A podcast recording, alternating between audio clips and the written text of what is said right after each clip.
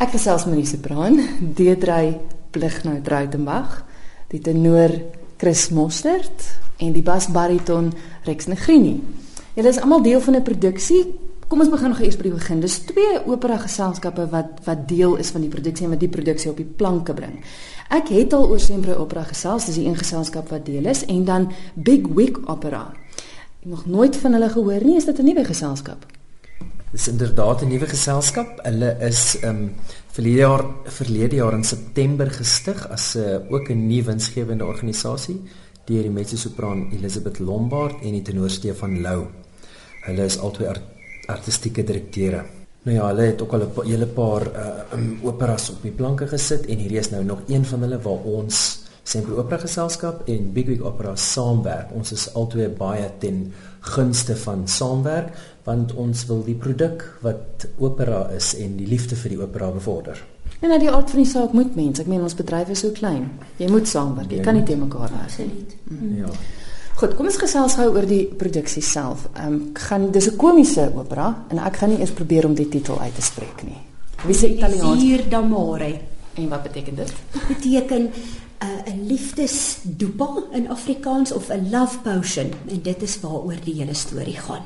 Wat 'n hele storie verloop en op die ou einde soos hulle sê gelukkig vir ewig daarna.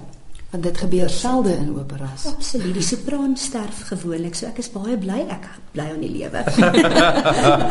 Kom ons gesels gou oor die storie. Ek het gekyk na die persvrystelling en dit lyk na dit lyk na 'n lekker maklik verstaanbare storie. Vertel gou vir die luisteraars waaroor gaan dit en ook hoe pas elkeen van julle in. Kom ons begin sommer by Chris. So ek is Nemorino, ek is 'n uh, uh, ek is eintlik 'n plattelander. En ek uh, het op een of ander dag vir Adina gesien. Adina is 'n ryk vrou wat baie grond het en ek uh, raak oombliklik verlief op haar. Is dit omdat sy geld het? Sy's baie mooi. die geld het seker 'n bietjie gehelp. nee nee, in die storie is dit nie so nie. Maar in elk geval en nou is dit al my maniere wat ek probeer om byvoorbeeld by Dr. Dolkamara wat hierdie liefdesdoepa aan my verskwans vir my laaste skoodie om nou hopelik vir Adina te ooreed om verlief te raak op my. Tetra, jy is die mooi dame op wie jy verlief raak. Sy begin 'n boek te lees wat eintlik ook 'n mite is van Tristan en Isolde waar 'n liefdesdoepa inderdaad die liefde opgewek het en aan die gang gehou het teen die twee kar tussen die twee karakters Tristan en Isolde en dis die interteks van die hele opera van Donizetti. Um, um Adina is baie sy stel nie werklik aanvanklik belang in Neborino nie. Sy wil haar vryheid geniet. So vir haar is dit 'n heerlike ligte flirtasie, maar die oomblik as sy begin agterkom omdat Nemorino nou geld geërf het en die dames van die dorp ook gewone dorpenaars in 'n klein plattelandse dorpie stel skielik in iemand belang wat sy net as 'n flirtasie objek beskou het. Dan verander sy. En dan besef sy, o, jette maar sy liefde was eintlik edel vir my en nou is ek besig om dit te ignoreer en nou gaan ek hom dalk vloer. Nee wat? Nou speel ek 'n speletjie saam met hom. So dit is waar die komiese sy inkom en natuurlik 'n kwaksalwer wat hom voordoen as 'n uitgeleese professor en 'n uh, 'n kenner op die gebied van medisyne, 'n dokter is nou Rex en hy speel so 'n bietjie duiwelsadvokaat ook en hy verkoop die liefdesdoepa en dis eintlik sommer net lekker goedkoop wyn, maar almal glo dat dit magiese kragte het. En een van die snaakse um, dele dan is wanneer Marino nou hierdie doepa wat nou eintlik wyn is, begin drink en kom net agter hoe wonderlik dit proe. En hy weet dit gaan sommer dadelik werk maar die dokter sê vir hom nee nee nee jy moet een dag wag. Natuurlik dat die dokter kan spore maak ja, in daai tyd en Nemorino sê net ag nee toe maar Adina jy hoef nie nou verlief te wees op my nie ek wag tot môre want môre het die dokter gesê gaan jy op my verlief raak en hy drink dit so gou as moontlik en uit die aard van die saak het die effek van die wyn ingeskop en dit maak dit nog komies nou wel die kwaksalwer sit nou hier langs my Rex hoe kon jy Einste Christel wel ek is so gelukkig vir 'n begin om die rol te gekry. Ek weet nie hoekom spesifiek nie, ek wil dit nie persoonlik vat nie. Um, in elk geval ek vertolk die rol van Dr. Dukamara. Hy is 'n reisende dokter kwaksalver, self aangestelde dokter, ehm um, en oortuig al die dorpsbewoners ehm um, wat hy besoek van al alle moontlike skete wat hy wat hulle kan hê, het hy 'n oplossing vir met sy dopas wat hy ronddra saam met hom. Ehm um, natuurlik sien hy onmiddellik die geleentheid raak van die eenvoudige naïewe dorpsbewoners ehm um, en en maak vinnige beraming 'n opsomming van wat dit elkeen nodig. Ehm um, natuurlik is Nemorino dan uh, een van die slagoffers, een van die slagoffers en uh, eh, Dr. Dulkamara het vinnig gesien wat wat nodig is in in Nemorino se situasie en uh, natuurlik het hy toe die die groot bottel die grootste van al sy bottel uh, bottels dopa het hy uh, nader getrek En uh, die ene is nou van die Morino en dit gaan nou alle moontlike liefdesprobleme vir hom oplos en uh, van hom 'n gelukkige man maak aan die einde van die dag. Ons sal besien of dit doen. aan die aard van die saak is dit nie net julle drie op die verhoog nie. Wie is almal nog deel van die produksie? Okay, ons is um die Big Wig Opera koor is is die koor wat saam met ons werk en uit die koor uit is daar een dame um Akiko Haldane. Sy sing haar debuut um solo rol as Janetta en uh, wat altyd wat saam met die dorpse meisies bespiegel toe hulle nou uiteindelik hoor dat Nemorino se oom oorlede is en hy het ryk geërf het hulle nou saam gepraat en sy is die hoof van die van die meisies. So so Akiko vertolk dit dan ook daarso ook almal deel van die van die Big Week opera koor. Groot uitdaging van komedie is om nie te hard te probeer om snaaks te wees nie. Is dit ook julle uitdaging of moet dit juis bietjie bietjie over the top wees? Ja, verseker, alles alles binne perke natuurlik. Ek dink sodra dit in oormaat is, dan eh uh, verloor dit die effek. Ja, geloofwaardigheid, die impak is heeltemal anders. So daar's 'n fyn lyn tussen dit oortuigend doen en om goedkoop te raak en verspot te raak. Die ding om verhoog is ook natuurlik jy jy kan nie ook nie dit te klein maak nie want dan onthou jy's baie ver die afstand is 20 30 100 meter tussen die persoon vir wie jy eintlik mm. uh, dit wys. So jy moet dit 'n bietjie groter of stadiger of direkter doen of sodat mense dit of twee keer doen. Jy weet sodat mense dit kan uh, kan volg. Dis natuurlik die ander vrees as jy begin moet groot ek moet onmiddellik bysê dat dit ons is verskriklik gelukkig om om alle moontlike simpatie en ondersteuning van die komponis Donizetti te hê hoe hy dit gekomponeer het is absoluut geskik daarvoor dat jy hoef nie uit jou pad uit te gaan om dit komies te laat vertolk nie. Dit gaan spontaan gebeur bloot net as jy die musiek hoor.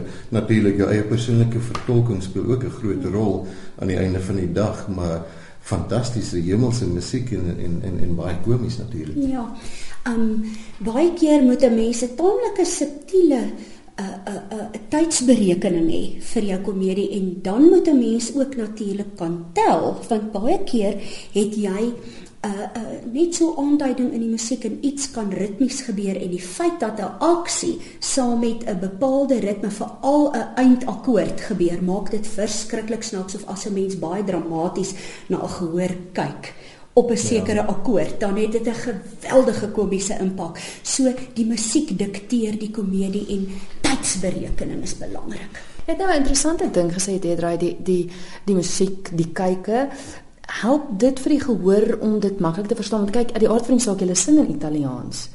Hoe gaan gehore volg? Gewoonlik is daar iets soos superteks of subteks, maar in hierdie geval is daar 'n voorleser. Ek verstaan. So wat dan so ons sal sulke breuke maak tussen die uh, scenes en so en dan uh, sal Marissa vir ons ek dink dit gaan sy wees voorlees in en, Engels en, in Engels in Engels en verstaanbaar en sê wat nou gaan gebeur en presies mooi verduidelik. Mm. Alhoewel ek dink as die mense net die aksies volg, eh, jy weet sal mense uitmaak, maar dit help natuurlik uit die aard van die saak as daar 'n verteller, 'n vertaler is wat die wat die storie dan vooruit vertel.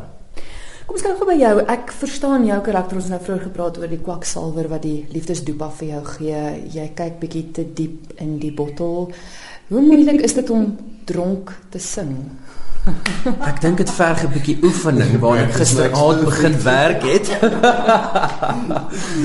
nee, ek dink mens uh jy weet jy, jy dink jouself in, jy het al so baie dronk mense gesien en jy weet al jy weet sy op in die regte lewe of in stories of in, op die televisie of in Jy het natuurlik ook al navorsing gedoen. Ek het nou al jy weet jy mens moet eers staan se onder ek gaan dink ek ons moet vir môre aand weer probeer en video neem en kyk of dit werk jy weet en dan probeer werk weer speel oorkom.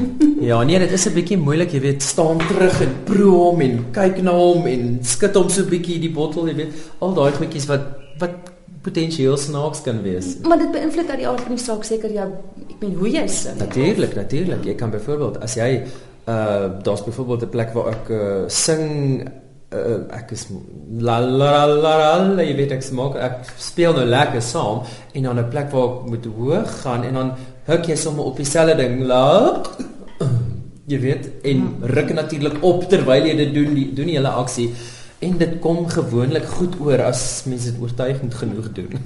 Wel doodstonele en dronktonele is baie baie uh uh uh, uh algemeen in opera. Ehm um, daar's uh, byvoorbeeld dronktonele of uh, uh, die die die uh uh, uh waar mense 'n uh, glasie klink. 'n Baie bekende ander voorbeeld is Traviata. En ehm um, destyds toe ons nog vertruk gesing het, toe dit nog bestaan het, Cavalleria Rusticana het 'n baie bekende uh, uh, 'n uh, ook 'n 'n drinking song tema en dan natuurlik of of of of drink of dood. Jy weet, so dit het gewoonlik aan die einde, as mens dink aan La Bohème, dit was ook 'n produksie wat nou ehm um, as ek dit nie mis het nie in Mei maand vanjaar op die planke gebring is deur 'n Big Week Opera. En ehm um, daar is natuurlik die stomme Mimi wat ehm um, sterf aan die einde. Gelukkig is Adina in 'n baie baie meer uh, bevoorregte posisie hier. Dit laat my nogals wonder of die komponiste dalk gedrink het terwyl hulle gekomponeer het. Ek is seker hulle het. As ek dink aan hoe oortuigend dit gedoen is, dan is ek dan ek geen twyfel daaraan. Wel ek neem aan Chris, jou grootste uitdaging is seker om om dronk te speel. Julle ander twee, het julle besonderse uitdagings met die rolle? Adina uh moet flirteer maar sy moet uit die aard van die saak nie goedkoop lyk nie. Hmm. Um so dit gaan dit's 'n baie lekker ligte rol, ligte flirtasie en um om die amusering om, met om, met hierdie sy ja, sy's baie geamuseer daarmee. Nee, maar op die ou einde is dit vir die gehoor om dit geniet en daar's niks so lekker soos 'n liefdesverhaal en 'n komedie geamper soos wat ons nou in die in die in die um uh, in die fliek sien, die sogenaamde romcoms, die romantiese komedie. So dis wat 'n mens eintlik hier het, so 'n romantiese komedie. En vir jou Rex, of kom dit heel natuurlik? Wel ek is Dit is vir jou om te sê. Ehm my my rol van Dr. Dulka Mara is heeltemal in kontras met met die twee liriese rolle, die sopran en die tenorrol. Ehm um, ek ver, vertolk 'n boefelbas of 'n komiese basrol wat 'n uh, beperking het bloot op die die die hoeveelheid woorde wat hy moet sing in 'n verskriklike vinnige tydperk. Daar's nie die ekstreme ehm um, in in die uh, hoë of lae note by my nie. By my gaan dit oor spesifiek wat die komponis in gedagte gehad het, musikaal gewys. Ehm um, ek klink soos 'n AK47 wanneer ek sing oor die hoeveelheid en verskriklike vinnige woorde wat ek die hele tyd moet sing um, om natuurlik die die dorpsbewoners te oortuig en die die twee waarmee ek te doen het ook. Ehm um, en dit is waar my uitdagings lê binne in die rol en dan natuurlik om dit so oortuigend as moontlik komies te doen binne perke sonder om verspot oor te kom. Dit moet nog steeds smaakvol en stylvol gedoen word. Goed, so waar is julle te sien? Elisier dan môre word opgevoer by die Rodepoort Theater in Florida. So dis die ou um, Civic Center mm -hmm. in Rodepoort. So dit word daar opgevoer. Ehm um, daar's twee opvoerings. Die eerste een is Vrydag aan die 17de Julie om 8:00 die aand en die tweede een is Sondag die 19de Julie 3:00 die middag. En ehm um, die kaartjies is beskikbaar uh, op die internet by uh, www.bigweekopera.com en uh, mens gaan net na boek tickets toe of jy kan ook hierdie volgende nommer skakel 0861 670 670 daar is ek daar's eintlik vandag 'n uh, promosie vir ehm um, uh, koop een kry een verniet tot en met die 16de Julie aan die gang. So as mens gou spring, ek het self vandag 10 kaartjies gekoop. Vir elkeen van jou persoonlikhede neem ek aan. Maar moet ek weer gaan koop. Alreeds start met die vinnig sing. Chris, start met die dronktonele. Dankie. En uh, Deidre, start met daai flirtasies. Baie dankie. Dankie vir die gesels julle. Dankie Dankie. ook.